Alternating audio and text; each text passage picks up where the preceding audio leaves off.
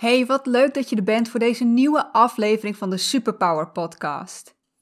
En ja, dit is een aflevering waar ik best wel een beetje trots op ben, want dit is nummer 40 alweer. En niet dat ik toen ik met deze podcast begon, uh, maar wat aan het proberen was. En ik dacht van, nou weet je, een paar afleveringen en dan stoppen we er weer mee. Uh, het was wel mijn intentie om een echte podcast neer te zetten. Maar ik wist toen nog helemaal niks van podcasten. En ik wist ook helemaal niet of ik het vol ging houden. Heel eerlijk, als ik er niks aan had gevonden, had ik dit van mij ook niet door hoeven zetten. Maar ik vond het leuk en ik ben ermee doorgegaan. Dus ja, ik ben er trots op dat ik de nummer 40 alweer aan kan tikken. Er is ondertussen wel het een en ander veranderd. Ten eerste weet ik nog dat ik in het begin zei dat ik dacht dat dit afleveringen van rond de 10 minuten ging worden. Um, well, that didn't work. Uh, ze werden al snel langer. Blijkbaar had ik per onderwerp toch meer te vertellen dan ik dacht. Uh, ook heb ik toen gezegd dat ik ook interviews wilde gaan doen. En ik wil dat nog steeds. En ik weet dat ik het tot nu toe nog niet heb gedaan. En daar spelen een aantal redenen, waarvan de grootste denk ik is dat ik het nog niet zo goed durf. Want wie zou überhaupt geïnterviewd willen worden in een beginnende podcast met nog bijna geen bereik? En eh, dan kom ik daar aanzetten met nagenoeg geen gear. Uh, ik heb wel geteld één microfoon. Ziet er niet heel professioneel uit. Uh, samenkomen kan nu eigenlijk ook helemaal niet. Um, en een interview via het web vind ik nog spannender. Ja, mijn ego of mijn innerlijke criticus of hoe je hem ook wilt noemen, die is behoorlijk aanwezig. En voor nu blijft deze dan ook nog even onhold. Sorry. Wat hopelijk wel is verbeterd sinds het begin is de kwaliteit van deze podcast, tenminste het geluid. Want oh my, ik had in het begin echt geen idee wat ik deed. Ik had geen idee hoe ik een microfoon neer moest zetten. Um, hint, je moet best wel dicht bij de microfoon zitten. Um, het is nog steeds niet geweldig, het is geen studiokwaliteit. Maar ja, ik ga ook niet een hele studio bouwen. Dit is waar je het op, op dit moment even mee moet doen. Achter de schermen spelen ook dingen die invloed hebben op deze podcast. Je hebt misschien al wel gemerkt dat het niet meer alleen gaat over je werk, over je loopbaan. En dat komt doordat in de loop van 2020 dat labeltje loopbaancoach, dat begon te kriebelen. En als ik ergens niet tegen kan, dan zijn dat kriebelende labeltjes. Dus dat labeltje, dat moest ik wegknippen. En op dit moment zit ik in een soort van labelloos vacuüm. Wat heel spannend is, want het voelt alsof ik mijn richting helemaal kwijt ben. En ik ben dus wel weer op zoek naar een labeltje, een beter passend labeltje. Ook omdat je als coach niet zonder kunt. Ik snap heel goed dat als jij een coach zoekt, dat waar hij of zij je op kan coachen ook echt aan moet sluiten op wat jij nodig hebt. Jij bent op zoek naar iemand die zich daar helemaal op richt. En dat labeltje dat ben ik nu aan het zoeken. En ik heb wel een idee en het begint al wel een beetje vorm te krijgen, maar het is nog niet helemaal helder. Op het moment dat dat helder is, um, dan neem ik je daarin mee in een podcast, oké? Wat achter de schermen nog meer speelt, en ik weet niet of je dit direct gaat merken in deze podcast, maar ik heb besloten om zelf met een coach te gaan werken. In dit geval een business coach. Maar dan wel een business coach die ook heel erg gericht is op het doorbreken van belemmerende overtuigingen. Want ja, dat kan ik wel gebruiken. Je bent altijd je eigen grootste obstakel.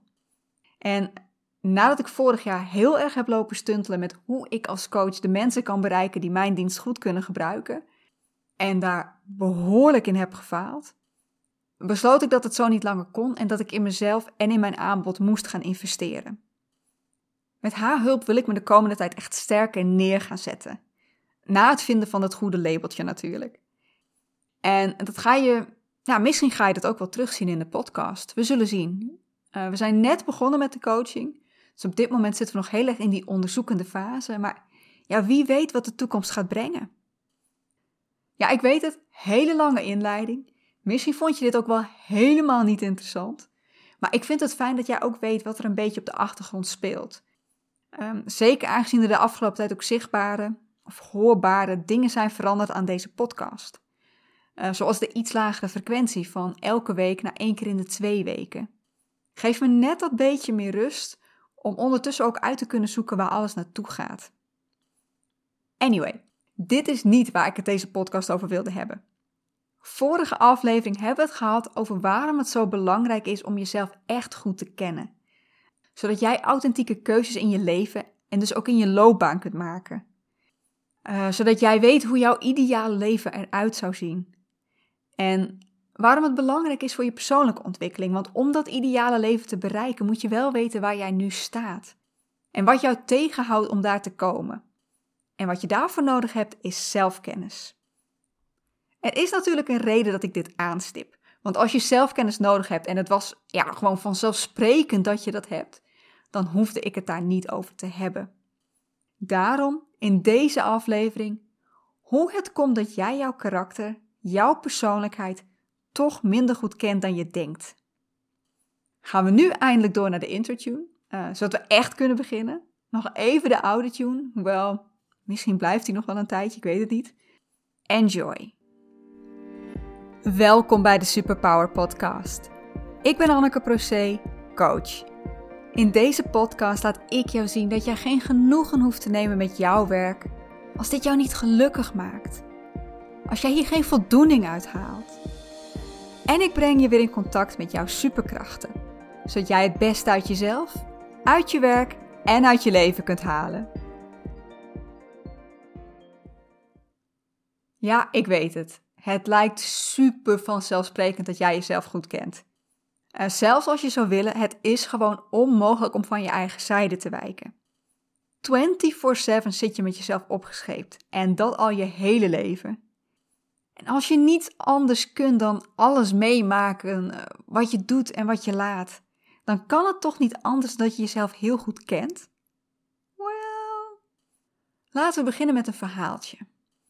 Een verhaal over een lief klein meisje. Vol verwondering kijkt ze om zich heen.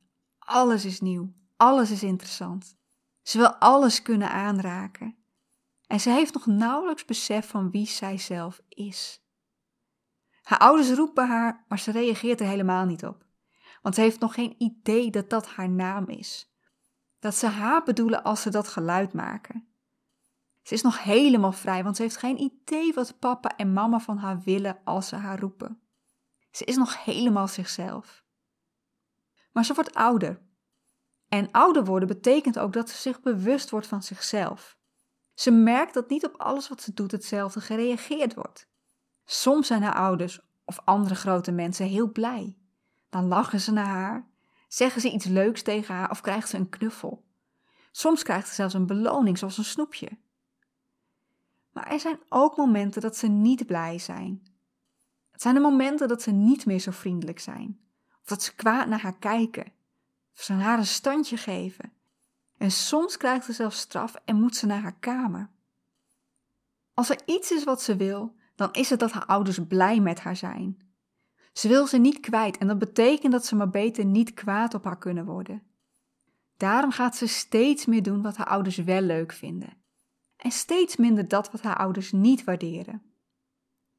Papa en mama zijn er bijvoorbeeld niet blij mee als ze niet met de buurkinderen wil spelen. En dat terwijl ze daar zelf helemaal niet zoveel behoefte aan heeft. Niet altijd tenminste. Nee, laat haar toch lekker met dat boekje zitten of vol concentratie opgaan in een tekening.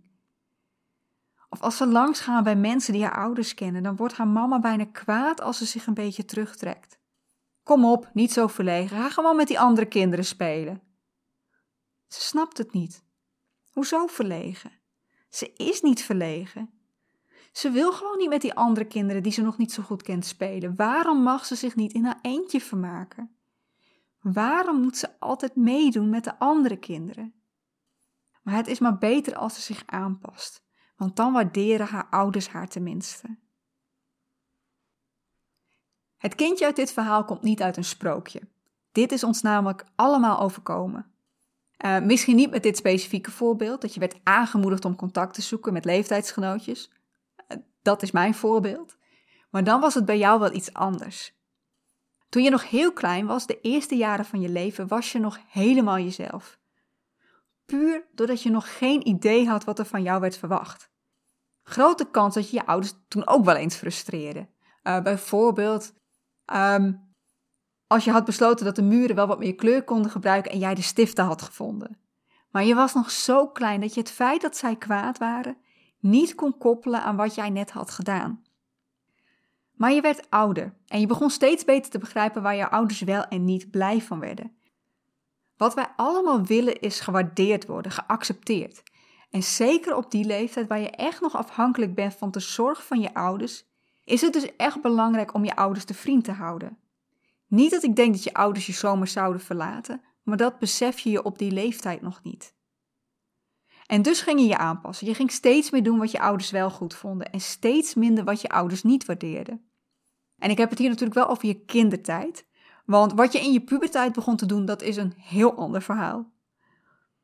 Wat het voor jou is geweest, kan echt van alles zijn. Uh, dat je niet in bomen mocht klimmen, of dat je juist stiller moest zijn uh, als er visite was. Van alles. Maar voor mij was het zoals het kindje uit het verhaal.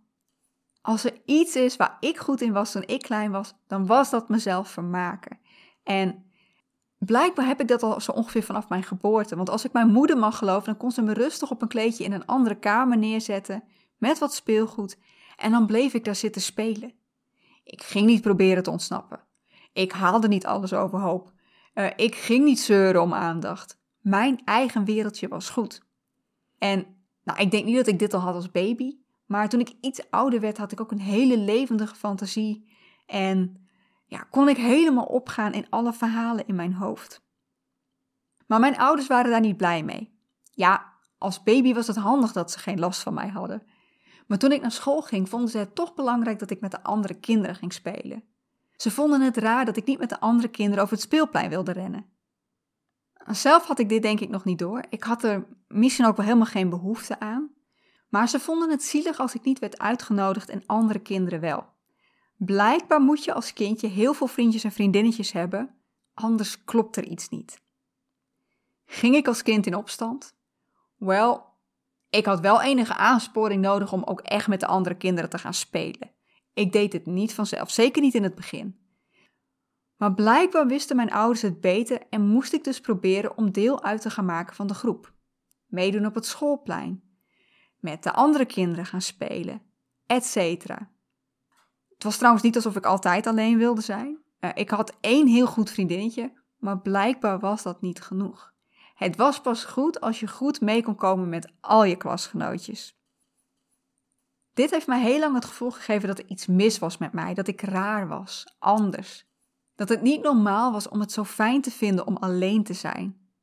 En dus ging ik die kant die graag alleen was steeds meer wegstoppen. Is me nooit helemaal gelukt. Uh, maar ik voel, ik voel me bijvoorbeeld nog steeds wel eens schuldig als ik tijd voor mezelf wil. Goed, alles waar je ouders kwaad over werden, of waar ze in ieder geval een beetje gefrustreerd over waren, dat ging jij minder doen. En alles waar ze goed op reageerden, door bijvoorbeeld complimentjes, dat ging je meer doen. Ook al was dat iets wat van nature niet helemaal bij jou hoorde, want vaak was dat het tegenovergestelde van iets wat ze niet wilden zien. Uh, zoals bij mij bijvoorbeeld dat het alleen zijn werd afgekeurd en dat het contact zoeken werd aangemoedigd. Effect hiervan is dat je een aantal van jouw karaktereigenschappen hebt weggestopt. Je zou het kunnen zien alsof je ze in de kast hebt gezet en sommige daarvan heb je zo diep weggestopt dat je ze bijna bent vergeten. Andere, de tegenhanger van wat je in de kast hebt gestopt, dat heb je juist naar voren gehaald en heb je versterkt. Klinkt nu alsof je ouders je wilden treiteren. Dat is natuurlijk niet zo. De meeste ouders niet in ieder geval. Integendeel, ze deden dit juist met de beste bedoelingen. Ze wilden jou zo goed mogelijk opvoeden, zodat jij een goede, gezonde volwassene werd uh, die zich goed kan redden in de wereld. Maar ze hebben jou wel opgevoed vanuit hun eigen overtuiging van wat goed en slecht is, van wat volgens hen het beste is. Zij hadden een beeld van hoe een goede volwassene zich gedraagt en dat gedrag hebben ze bij jou aangemoedigd. Zeker voor de rustige, introverte mensen onder ons, waaronder ik zelf, betekent dat dat je waarschijnlijk bent aangemoedigd om jezelf meer te laten zien, om meer mee te doen en je niet terug te trekken. Terwijl dat juist is hoe jij op kon laden na bijvoorbeeld een lange schooldag. Vergis je trouwens niet. Ja, je bent opgevoed vanuit het wereldbeeld van jouw ouders, maar hun wereldbeeld is weer niet alleen van hen. Die is ook beïnvloed door hun ouders, jouw grootouders. En die van jouw grootouders weer door jouw overgrootouders. Een deel van jouw opvoeding gaat echt vele generaties terug. Maar wat is dan het probleem dat je delen van je natuurlijke karakter niet meer kent? Als je niet weet dat ze er zijn, dan heb je er toch ook geen last van? Als jij je altijd op je gemak voelt in situaties waar jij je veilig voelt en je voor je gevoel gewoon lekker jezelf kunt zijn, dan hoeft er inderdaad helemaal niks aan de hand te zijn. Maar ik denk dat er veel van mijn luisteraars zijn, en misschien herken je dat ook wel, die dat gevoel wel kennen dat er ergens iets niet helemaal klopt. Dat je ergens bent waar je voor je gevoel helemaal niet aan hoeft te passen, maar dat je voor je gevoel toch niet helemaal jezelf bent. Dat je je niet helemaal op je gemak voelt. Voorbeeld, je zit op kantoor en bij jou op kantoor is er ook ruimte voor gezelligheid. Het is bijna nooit stil om je heen en jij doet lekker mee met die drukte. Tenminste, je denkt dat je lekker meedoet.